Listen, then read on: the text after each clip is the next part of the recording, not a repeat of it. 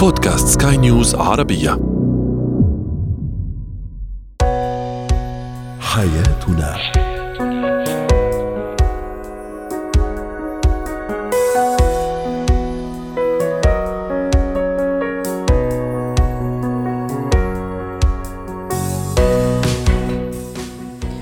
مستمعينا الكرام أهلا بكم معنا إلى حياتنا فضاؤكم اليومي الذي يعنى بشؤون الأسرة وباقي الشؤون الحياتية الأخرى والذي يمكنكم الاستماع إليه عبر منصة سكاي نيوز عربيه dot com slash podcast وباقي منصات سكاي نيوز العربية الأخرى. شاركونا عبر رقم الواتساب 00971 561 6223 معي أنا امال شابه كيف نكون سعداء في حياتنا الأسرية والزوجية؟ كيف أكون سعيدا مع زوجي وزوجتي؟ ما هي أفضل الألعاب التي ينصح بها للطفل الانطوائي؟ الانطوائي وأخيرا الشخصية المرحه هل هي دائما محبوبه من قبل من قبل الأشخاص من قبل الناس ولماذا؟ هو وهي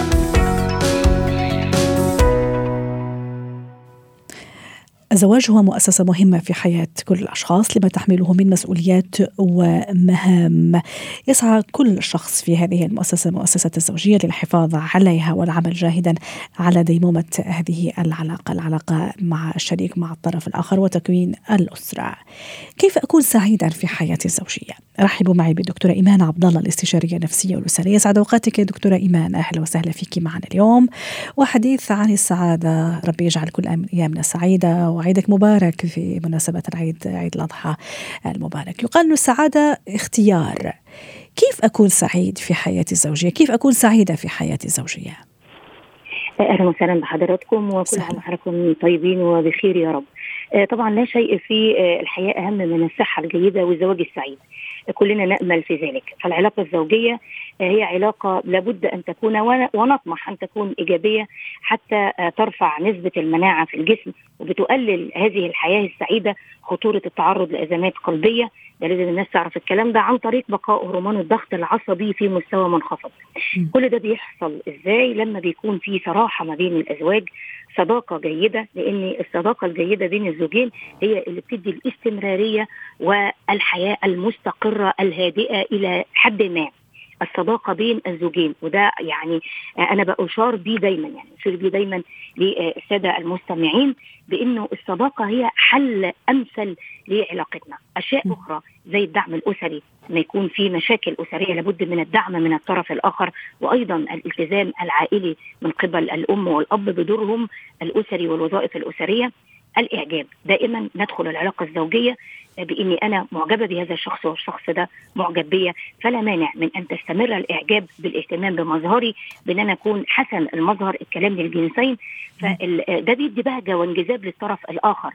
بمجرد إن أنا أبقى معجب بيه لأن هو حسن من مظهره من أسلوبه من حواره.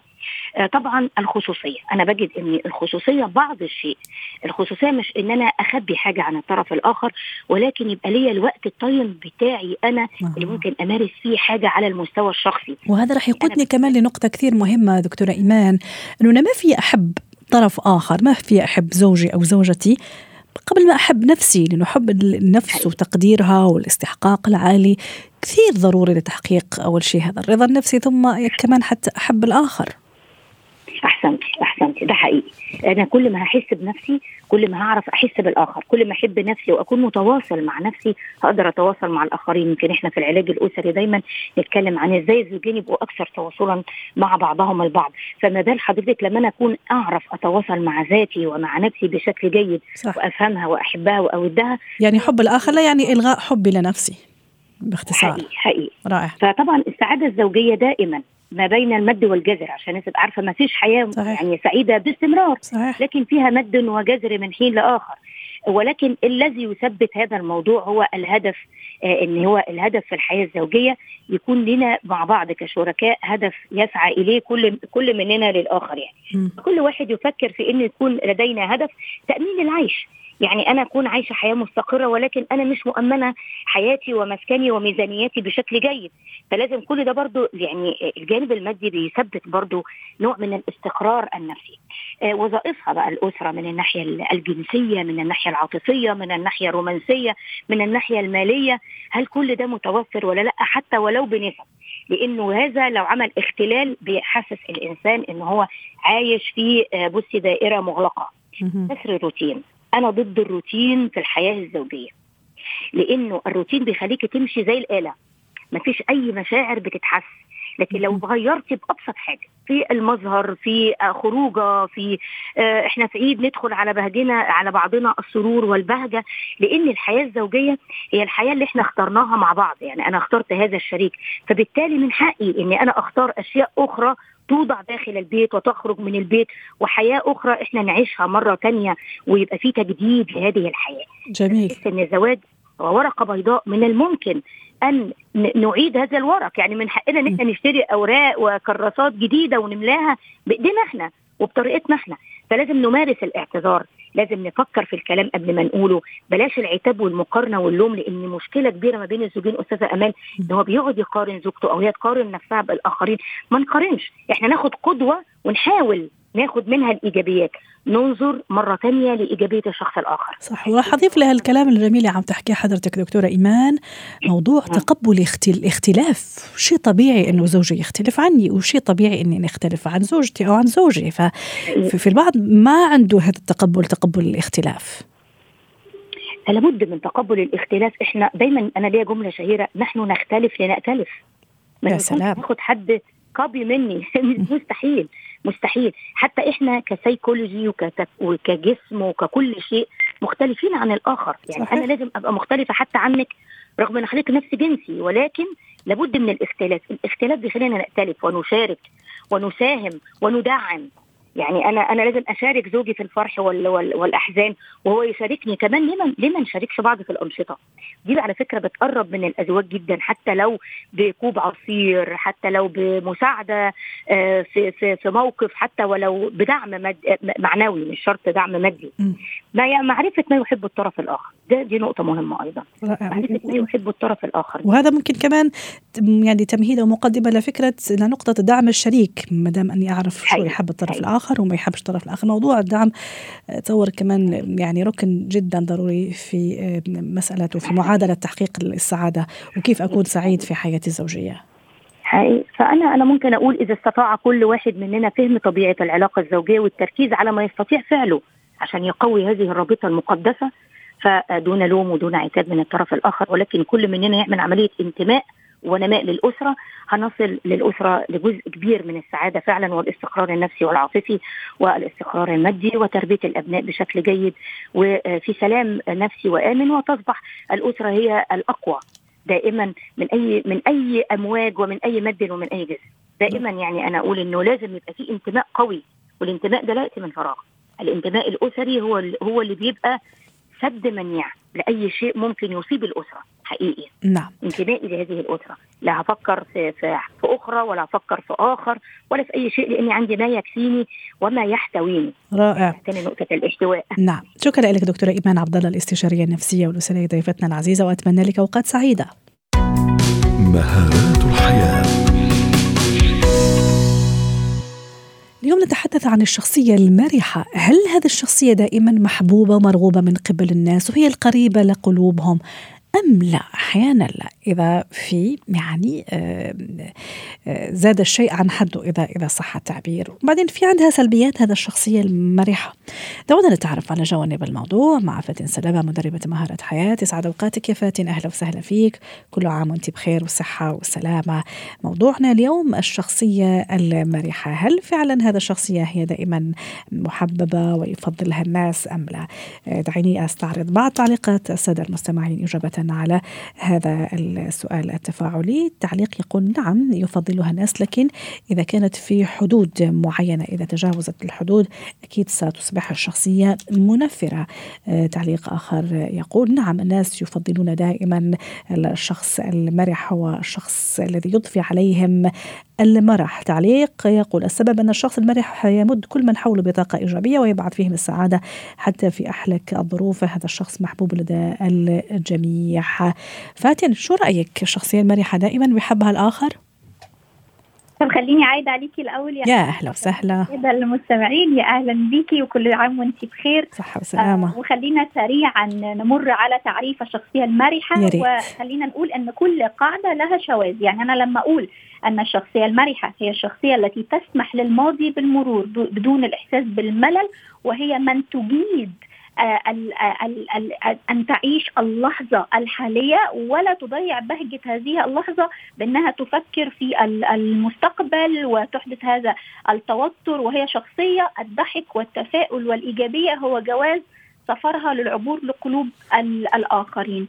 زي ما السادة آه، زي ما الآراء الناس المتفاعلين مع حضرتك قالوا إنه نعم آه، هي شخصية محببة ولكن لابد من تمتعها بالذكاء العاطفي والاجتماعي حتى تفهم مشاعر الآخرين. جميل. وحتى يكون هذا المرح وهذه الدعابة هي طريقة لتخفيف يعني تكون في تخفف عن آه، تعب الحياة مشاكل الحياة إن هي هذه إيجابياتها وطريقة نظرتها للحياة تكون طريقة فعالة وطريقة تستخدم علشان أنا أحب الشخصية دي وأنا أحب أقعد مع الشخصية دي وأحب أتعامل مع الشخصية دي. البعض كمان فات راح افتح قوس يعني يقول إنه الشخصية المرحة ما هي إلا أو البعض منهم يغطي على شيء يغطي على حزن يغطي على معاناة. هو مش دائما كذلك. هو مش لأنه مرح لا. هو ممكن يحاول يكون كذلك يخفي وراءه هموم وحزن كبير.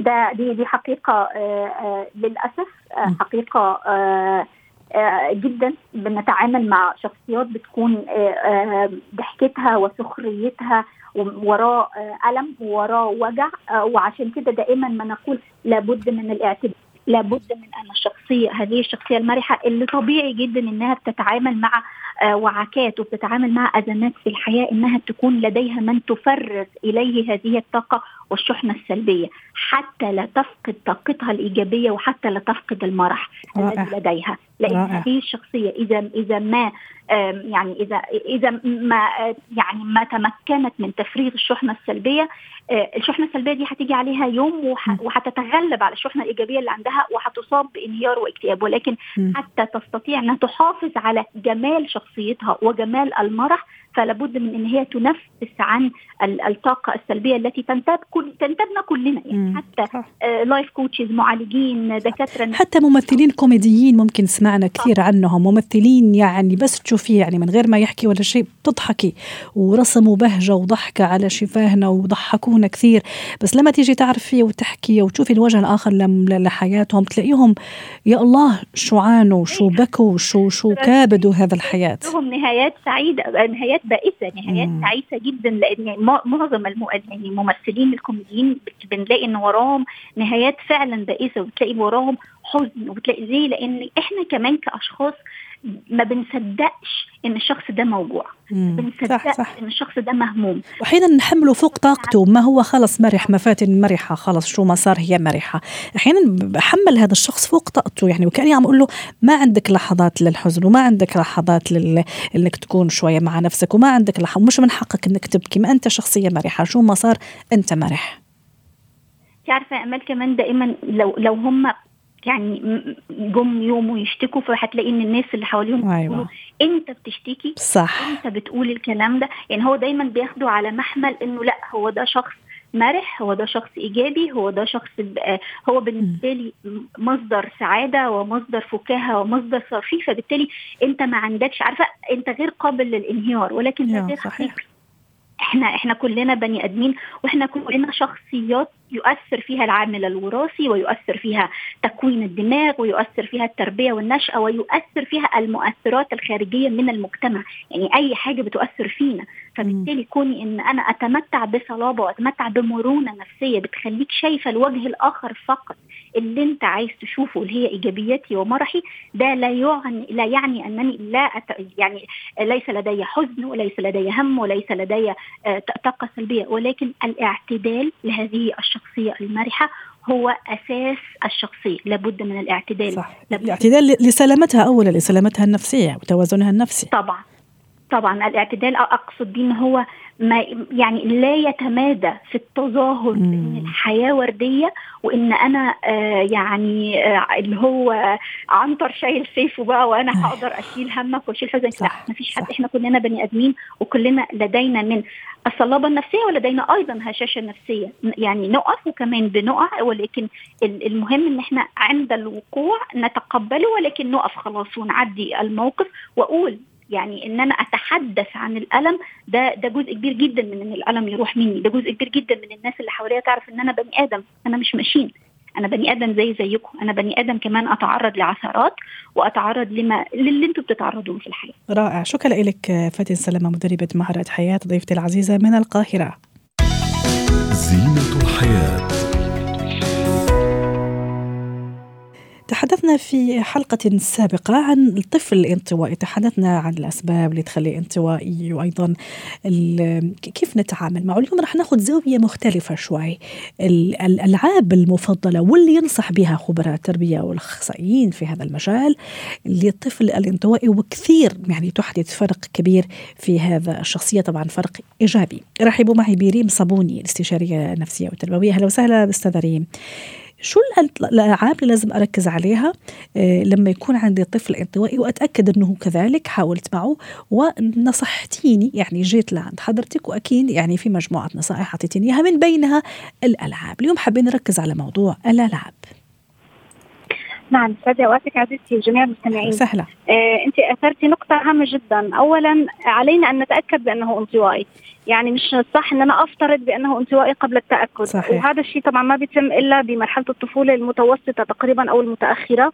آه لا يعني مش هينفع ابدا أقول إنه طفل انطوائي وهو بمرحلة طفوله مبكرة لأنه لسه الشخصية لم تتكون بعد يعني. متى أقول عنه إنه انطوائي يا أستاذ ريم؟ نعم. انطوائي ما هي مواصفات الشخص الانطوائي؟ اولا علينا أن أفرق بين الانطوائي والاضطراب الانطوائية، يعني هو مش اضطراب، هو سمة من سمات الشخصية ومش عيب على فكرة، آه هو نمط من أنماط الشخصية اللي بنسميه اللي هو الشخص الانتروفيرت، يعني هو شخص آه يحب أن يستمتع مع نفسه، ممكن آه آه هو مش متوحد بالمناسبة يعني وعادي بيمارس أنشطة اجتماعية وبيخرج للمجتمع. ويتفاعل اجتماعيا بشكل طبيعي جدا. لكن, لكن يفضل الرجوع لعالمه الخاص ليلاقي فيه متعة نعم. وشيء معين يعني الناس مش شايفينه. قليل الكلام خجول. آه مثلا ما بيفضل دائما الانخراط لا يبادر قليل يعني من النادر أن نرى شخص انطوائي يبادر أساسا. آه إذا وجدنا هذه السمات وتم تقييم هذا الطفل فعلا بأنه شخص انطوائي وطبيعي جدا ونحترم هذه السمة. وهي نقطة أهم جدا للآباء والأمهات. يجب أن أحترم كونه انطوائي. وما أضغط عليه أنه يكون لا اجتماعي و extrovert ومنطلق ومتحدث وبارع ومبادر. أحترم هذه الصفة فيه. وطيب وما في خوف عليه إنه يكبر هيك وممكن يزيد الأمر تعقيدا؟ اي okay انطوائي وهي صفة ومش يعني مش عيب زي ما عم تتفضلي حضرتك ولازم أحترمها فيه. بس okay بس يا خوفي إنه يكبر يا أستاذة ريم ويصير مراهق وكمان ما بيحكي و... ويفضل يكون في عالمه. إيه حلو الواحد يكون عنده عالمه الخاص حلو واحد مثلا يلتقي أصحابه وأصدقائه. أه، لكن ما في خوف إنه ممكن يعني ينغمس أكثر في الانطوائيه وتأثر عليه؟ تمام. هون نحن عم نحكي عن مستوى متوسط. يعني مم. هو سمة طبيعية لكن هذا الشخص ليس منعزل تماما. ليس آه مثلا لا لا يتفاعل مع المحيط مع المجتمع. لكن هو يفضل في بعض في أغلب الأحيان أن مثلا يمارس أنشطة فردية. مثل شو مثلا؟ آه مثل بيحب يروح يحضر سينما مثلا. يعني شيء ما ما فيه مشاركة يعني ما فيه مشاركات من قبل الآخرين. أستاذ ريم آه، إيش هي الألعاب اللي تنصحينا إنه يعني أعطيها لطفلي أو أخليها في متناوله حتى يعني شوي شوي يعني يطلع من هذا الانطوائية حتى ما ينغمس فيها زي ما تفضلتي في مستواها العادي والمتوسط يعني. تمام. آه طبعا هو بشكل طبيعي حيمارس الألعاب الفردية. هو. حيفضل دائما يمارس الأنشطة والألعاب الفردية. لكن أنا أحاول أن أبدأ معه بممارسة الألعاب التي تتطلب مثلا فردين. مش فرد واحد. جميل. هي ألعاب مثل شو مثلا؟ مثل بورد جيم آه لعبة شطرنج هي لعبة ثنائية مش جماعية. صح آه، ألعاب اللي هي مثلا آه، يعني أخليها في النص لا هي اللعبة الفردية ولا هي اللعبة الجماعية يعني مرة واحدة أيوة. جميل أبدأ بالتدريج معه يعني صحيح. مش صح كمان إني أنا يعني أغمسه في المجتمع أو في المحيط وأقول له يلا مارس ألعاب جماعية تتكون مثلا من فريق فريقين ضد بعض 12 فرد فوق ال 12 هذا الشيء ممكن لا يسبب له shock شوي صدمة. يعني يعترض آه ويعترض بشدة وبالعكس ينسحب بزيادة. جميل. تبدأ بالتدريج. أول شيء الألعاب الفردية هي الألعاب ال board game مثل الشطرنج مثل ألعاب التحدي ألعاب الذكاء اللي تتطلب مثلا تحدي بين اثنين الألغاز. آه بعدين ببدأ شوي شوي بزود العدد بنصير أربعة. في ألعاب كمان بورد جيم فيها أربعة مثل السلم والثعبان مثلا. آه، ألعاب اللي هي فيها يعني متعة وبنفس ذات الوقت ما فيها عدد كبير. آه، وهي مش ألعاب بالمناسبة تتطلب مثلا وجود وجوده بمكان معين محيط معين يعني هو مش نادي مش مش ملعب كرة. آه، أبدأ كمان أنا كوالدة طفل انطوائي أبحث له عن صديق يعني يكون مقرب له. لأنه بالمناسبة هو ممكن يكون يفضل إنه يلعب مع صديق واحد بس. أبدأ بال إني أدمجه مع هذا الصديق بعدين شوي شوي بندخل صديق ثالث يكون مشترك بين الصديقين. طبعا هون أولياء أمور بدهم يبذلوا مجهود. يعني إذا أنا كوالدة أو ولي أمر طفل انطوائي وبدي يخرج للعالم وإني أكسر شوي موضوع العزلة فيه أنا لازم أبذل مجهود معه لأنه هو من الأساس ما عنده مبادرة. آه، يفتقر إلى مهارات التواصل مع الآخرين لأنه هو طول الوقت مستمتع مع ذاته. فلازم أحسسه إنه هنالك متعة أخرى غير متعة الجلوس بمفردك في المنزل. ولازم هون نوه لنقطه هامة جدا إنه قد يكون على فكرة الطفل أصبح انطوائيا بسبب التوحد مع ألعاب الفيديو الجيمز. لأنه هي حالة بصراحة منتشرة جدا بين الأطفال وظاهرة خلينا نقول عنها. انتشرت بسبب إنه أغلب النا... أغلب الأطفال يستمتعون باللعب الفردي بال games. هو أصلا عم يلعب مع أشخاص افتراضيين مش حقيقيين. فالعالم الافتراضي عم يوفر لي هذا الشيء. أنا ليه لحتى أبحث عن التواصل الحقيقي الاجتماعي الفعال. أيضا ال social media هي لها علاقه لها علاقة كثير قوية بتوحد هؤلاء الأطفال مع ذواتهم. آه لأنه أنا عم بتعامل مع عالم افتراضي. اولا هذا العالم آه يسمح لي بإني أحاور وأناقش دون الظهور بوجهي دون أن أضطر إلى آه، اللياقات الاجتماعية. آه، كيف يعني مثلا أنا ممكن لما أتعرف على شخص أبادر أنا بالترحيب وتعريفه بنفسي لكن بال social media أو بال games أنا مش مضطره أقول آه، مرحبا كيف حالك؟ أنا فلان الفلاني أنا فهماني؟ يعني ما فيش تفاعل ولا ولا لياقات اجتماعية. لذلك يعني يجب أن ننوه إلى فكرة أن الأنطوائية قد تكون مكتسبة وليست سمة فطرية في هذا الطفل. قد يكون اكتسبها. بسبب الانعزال. وإذا ما انتبهنا لهذا الشيء بعمر مبكر فهو ممكن فعلا صح. يكون مؤشر خطير. يعني أنت أشرتي إلى نقطة إنه متى أقلق ومتى لا أقلق. متى رأي. أقول بأنه أوكي انطوائي كسمه شخصية ومتى أقول بأنه أصبح فعلا مكتسبا. ولم يعد هذا الطفل أصلا يستمتع لا بالمناسبات الاجتماعية ولا برحلات الأصدقاء. في أطفال يرفضوا الرحلات. أيوه هذا اللي كنت راح أقول. الرحلات مثلا المعارض المتاحف المسرح مثلا. المسرح طبعا يتطلب مثلا وجود أكثر من شخص. المسرح المدرسي بتشوفي إنه ها ولا لا؟ باختصار شديد باختصار. أه, آه، بشوفه ضروري طبعا ولازم نفعله في مدارسنا وفي في بيئاتنا طبعا. قصدي لهذا النوع من آه، من الأطفال الانطوائيين. بالتحديد لهذه لهؤلاء. بالتحديد أيوة لهؤلاء ممتاز. طبعا يجب أن أحاول أن أقوم بدمجهم ولكن كما قلت بالتدريج. تدريجيا تدريجيا حتى ما تكون ردة فعل عكسية. شكرا لك سداريم صابوني أسعدتيني الاستشارية التربوية ضيفتي العزيزة وأتمنى لك أوقات سعيدة.